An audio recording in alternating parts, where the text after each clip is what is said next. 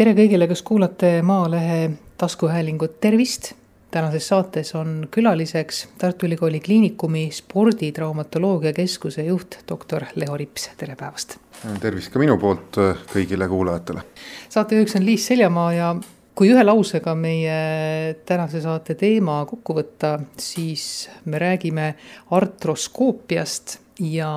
sellega kaasnevatest või seonduvatest meditsiinilistest protseduuridest. aga et olla terminites kohe selge ja täpne, siis mis artroskoopia üldse on, mida sellega tehakse, mida sellega teha saab? no nii nagu enamus meditsiinitermineid, ka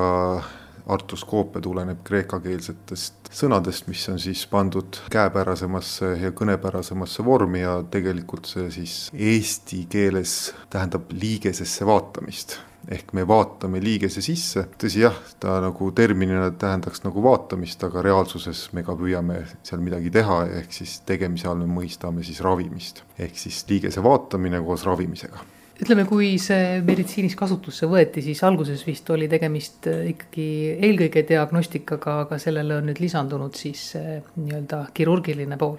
jah, eks need esimesed algelised instrumendid ja ravi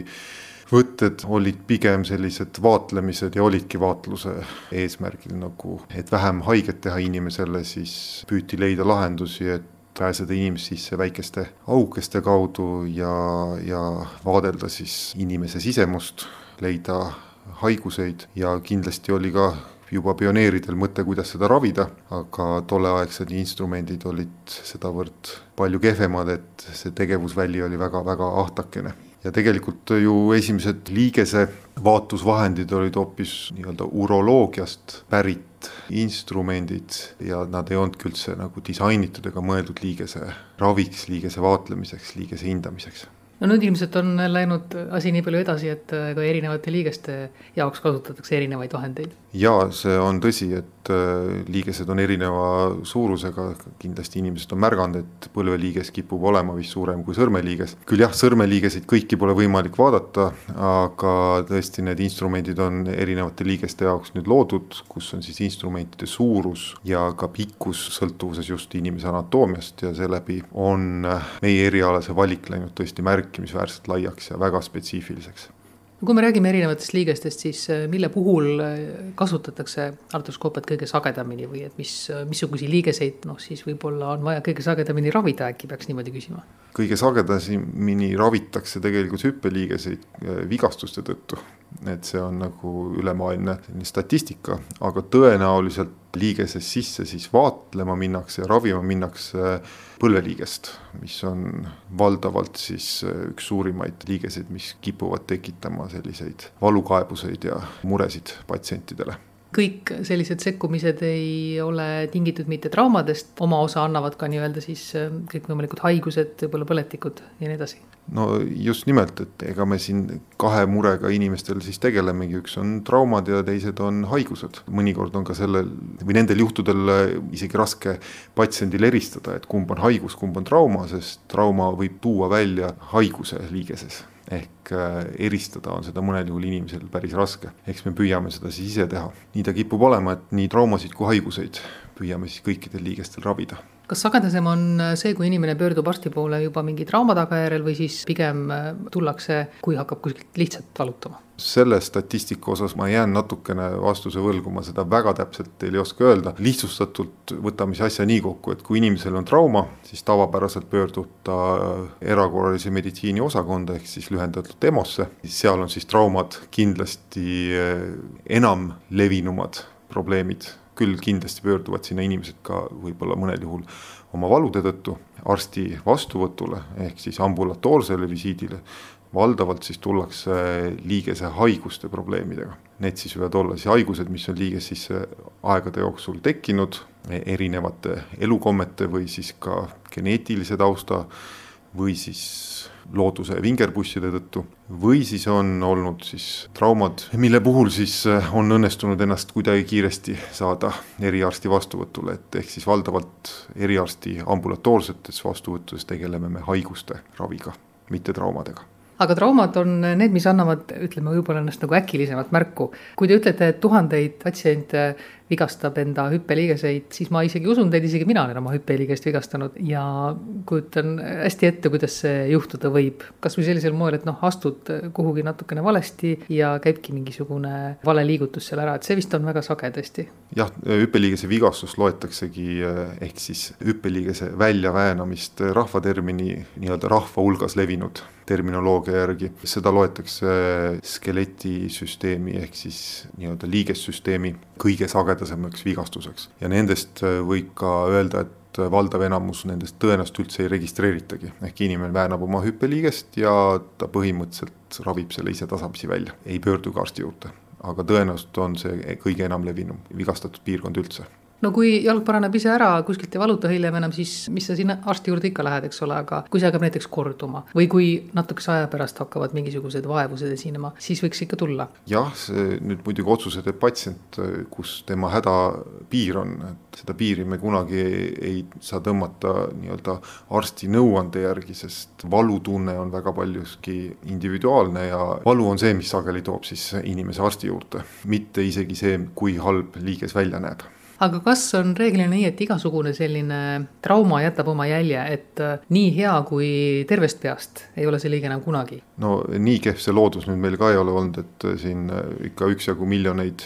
aastaid on siin arengut olnud ja selle ta on ikkagi välja mõelnud, et kõik vigastused, mis inimestel või loomadel või üldse looduses bioloogilistel objektidel esinevad, ei tähenda automaatset eluprotsessi katkemist või siis elukvaliteedi langust või siis kroonilist valu kindlasti see ei ole tõsi, sest vigastusi on erineva raskusastmega, kerged vigastused ikkagi sageli paranevad täielikult, ehk me võime isegi kasutada terminit tervenevad ehk saavad terveks, ehk me ei suuda enam eristada nii-öelda vigastust nii välisel vaatlusel kui ka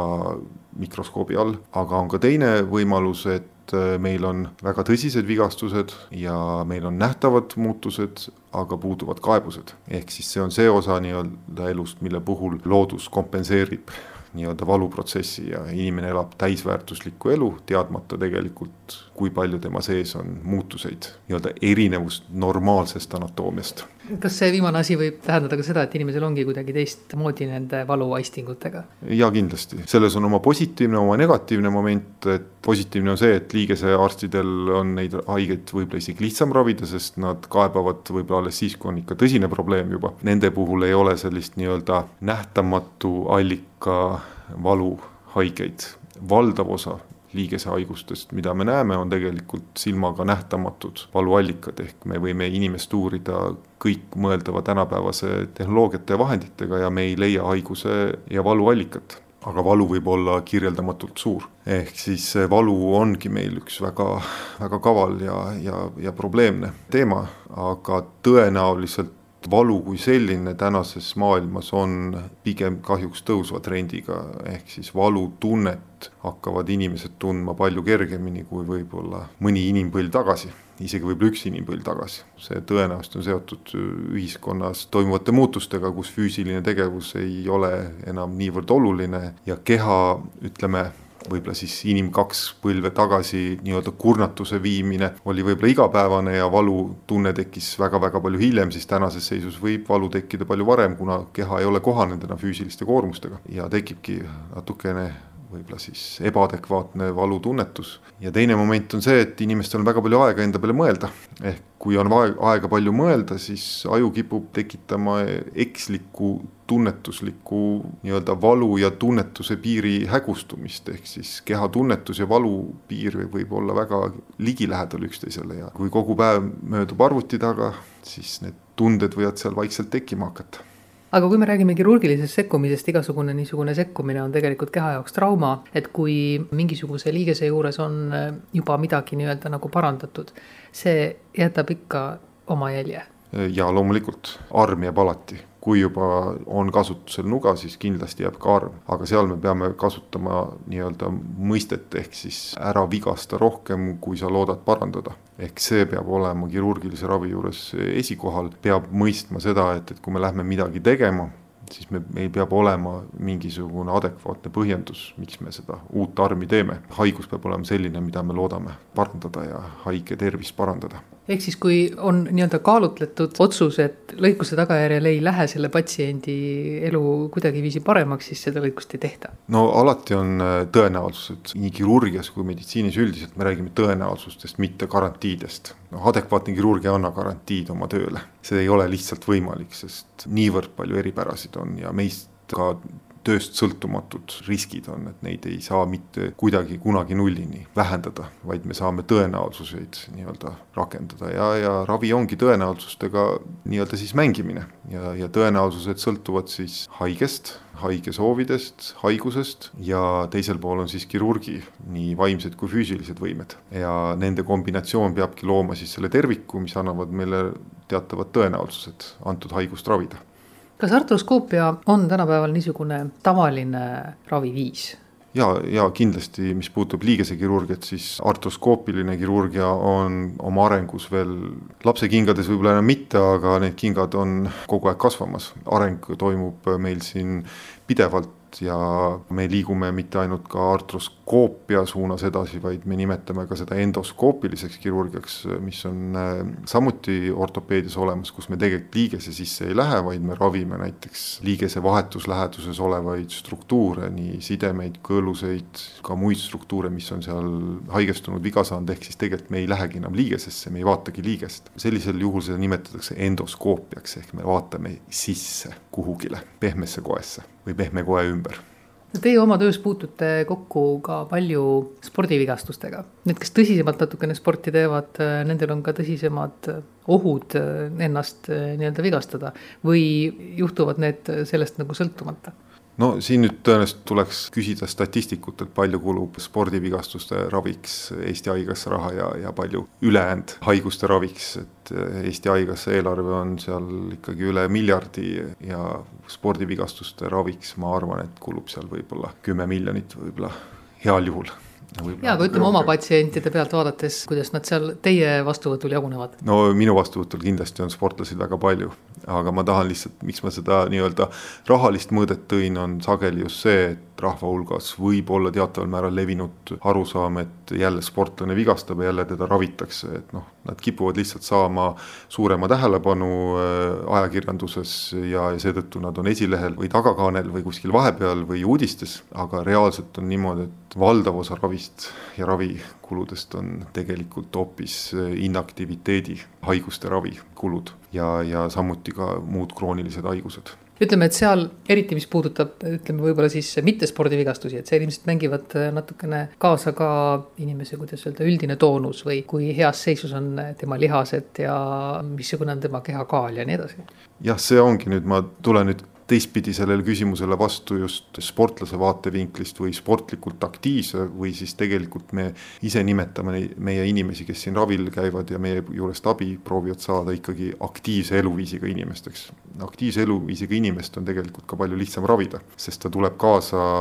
nii-öelda ravimeetoditega, mis ei ole alati tabletid, süstid ja, ja, ja nuga, vaid on tegelikult aktiivne võimlemine, sest enamus liigese ja kõõlushaiguseid ja lihashaiguseid me ravime üldse aktiivse eluviisiga. ja kui inimene on väheaktiivne olnud kogu elu, siis on meil väga raske teda tuua meie nii-öelda päris tõsiste nii-öelda võimlemisprogrammide juurde ehk siis püüda nii-öelda inimest taastada läbi tema enda aktiivsuse, mis on tegelikult järjest tõusev trend nii-öelda ravi osas, aga järjest raskemini nii-öelda läbiviidav, sest äh, aktiivsus ja aktiivne eluviis ei kipu olema väga populaarne. no teisest küljest on ikkagi see oht ka, et kui need mitteaktiivsed inimesed äkitselt otsustavad aktiivseks hakata, et siis nad võivad teadmatusest või siis, kuidas öelda, enda võimete ülehindamisest endale viga teha ja see on ka tõsi, et siin kehtib meie vanarahva tarkus, et tark ei torma, et oma nii-öelda füüsilist võimekust ei taastata nädalate ega kuudega. kui meil on inimene, kes nii-öelda on kümme, viisteist, kakskümmend aastat on olnud sportlikust või aktiivsest eluviisist eemal ja ta arvab, et ühe-kahe aastaga ta suudab kõik taastada, mis ta enne on kaotanud, siis see kahjuks ei ole tõde, et tõde on natukene pikem ja, ja läheb ikkagi aastaid, enne kui ollakse tegelikult võimeline tervist säästvalt sportima liikuma, aga seda teadmist on ka raske viia inimesteni, sest personaaltreenerid, spordiklubid, reklaamid, ajakirjad, kõik survestavad sageli väga kiirele, noh, reklaami tõttu väga kiirele nii-öelda siis tervenemisele või paranemisele suunduvat nii-öelda elustiili, aga see ei ole jah, paraku alati võimalik. No kõige halvemad näited on just nimelt televisioonis siis need kiired kaalu langetamissaated, kus, mis on tegelikult täielikus vastuolus füsioloogiliste võimetega nii-öelda üldse nii-öelda kuhugile jõuda. et need on kindlasti väga halvad näited ja need jätavad väga, seal on vigastuse risk väga kõrge nii reaalsete vigastuste kui ka mikrotraumade, mida võib-olla inimene ise ei taju, pluss tegelikult äärmiselt kõrged südamekoormused, noh, see on väga-väga selline keeruline teema lahendada tänase saate jooksul, jah tänane teema tõusis päevakorda natukene ka seetõttu, et Tartu Ülikooli Kliinikumis on just neil päevil, kui jõuab äh, intervjuu ka kuulajateni, hüppeliigeste haigustele pühendatud Tartu live artroskoopia päevad, no see kõlab küll väga uhkelt, ehk siis näidatakse otseülekandes vähemalt mõningatel juhtudel siis mingeid äh, operatsioone, see on üks osa sellest. Ja täpselt nii ongi, et, et seal me siis teeme äh, ülekandeid äh, otse operatsioonitoast, kus siis maailmas väga tunnustatud kolleegid, kirurgid on tulnud meile siia appi tegema siis koolitust ja eesmärgiks on siis näidata, kuidas ühte või teist haigust ravitakse, erinevaid ravivõtteid kirjeldatakse, vahetult saadakse tagasisidet, kui on küsimusi. Kuulajaskonnal koolitus on mõeldud eelkõige siis Eesti äh, ortopeedidele, samuti on meil seal ka päris põhjalik äh, füsioteraapia sessioon ja koolitust äh, siis kantakse üle veebipõhiselt üle maailma, et tegelikult saab ka seda vaadata ükskõik kus maailma nurgas. koolitus on meil siis ingliskeelne ehk peaks olema arusaadav kõigile, kes inglise keelt valdavad. meil tuleb väga kuulus Hollandi hüppeliigese kirurg professor Nick van Dijk kes on väga paljude sarnaste koolituste varasemalt läbiviija olnud ja, ja, ja samuti osaleja. Ja samuti ta on teinud väga suures hulgas teadustööd, praegu ta on juba pensionil, aga töötab aktiivselt maailmas äh, erinevates kliinikutes, kus ta ravib siis tippjalgpallureid teiseks võime välja tuua professor Jon Kaarsoni, kes on olnud siis tegelikult eelnevalt mainitud professori õpetaja ehk õpilane ja õpetaja saavad siin kokku sellel nädalal. tema on siis Rootsist, kes siis samuti on tunnustatud hüppeliigese kirurg. Ja on ka kolleege Lätist ja Leedust meile appi tulnud ja ka meie enda panus on vähesel määral olemas. no kui kerge või lihtne on selliseid nimesid tuua üldse niimoodi koolitusi läbi viima, ma kujutan ette, et nad jagavad oma teadmisi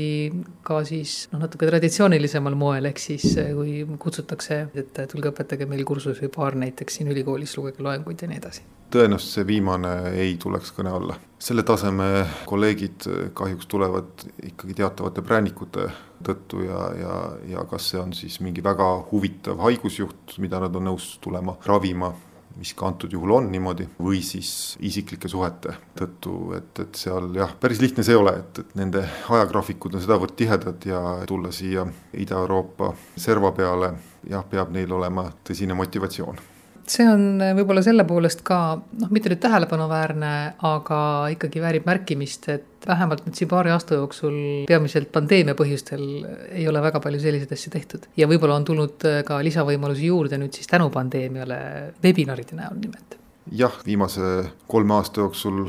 on see asi olnud meil varjusurmas, äh, eelnev sarnane koolitus oli kaks tuhat üheksateist praktiliselt vahetult enne pandeemia algust ja selle aja jooksul me küll proovisime, kaalusime, aga otsustasime, et ei ole võimalik. ja erinevus tõesti nüüd on selline, et on tõesti tekkinud see niinimetatud webinari vorm, ehk siis me pakume nii-öelda kombineeritud äh, osalust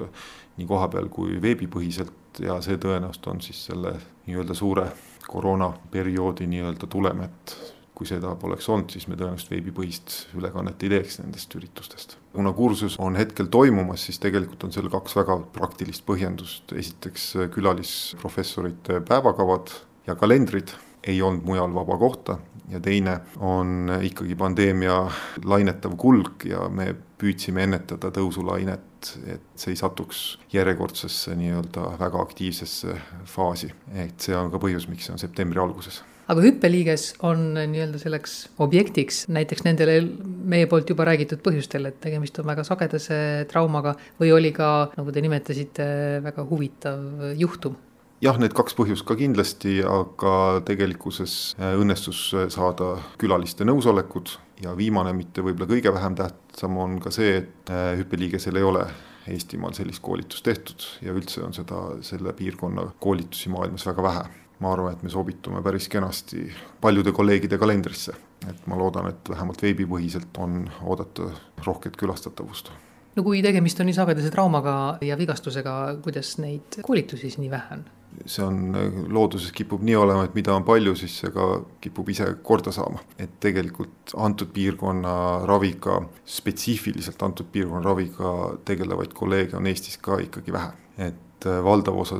vigastusi paranevad õnneks ise eneslikult ja, ja, ja jälgi jätmata. nii-öelda hüppeliigese piirkonna haiguseid ei ole nii palju, et äh, ka üle maailma oleks see huvi väga suur, et see on ikkagi suhteliselt piiratud ring kolleege. kas inimesed on üldse teie hinnangul piisavalt teadlikud, ma ei ütle nüüd, et peaks igapäevaselt oma hüppeliigeste peale mõtlema või et muret tundma, et kui ma välja tänavale lähen, et ega ma äkki ei vigasta ennast kuidagimoodi. aga siiski, on teil mingisuguseid omapoolseid soovitusi näiteks, millele võiks tähelepanu pöörata ka siis, kui hakkad oma eluviisi aktiivsemaks muutma? Nojah, seal olemegi selles väikses kahvlis, et tegelikult äh, vigastuse ennetuse eelduseks on hea füüsiline vorm. ja see ei ole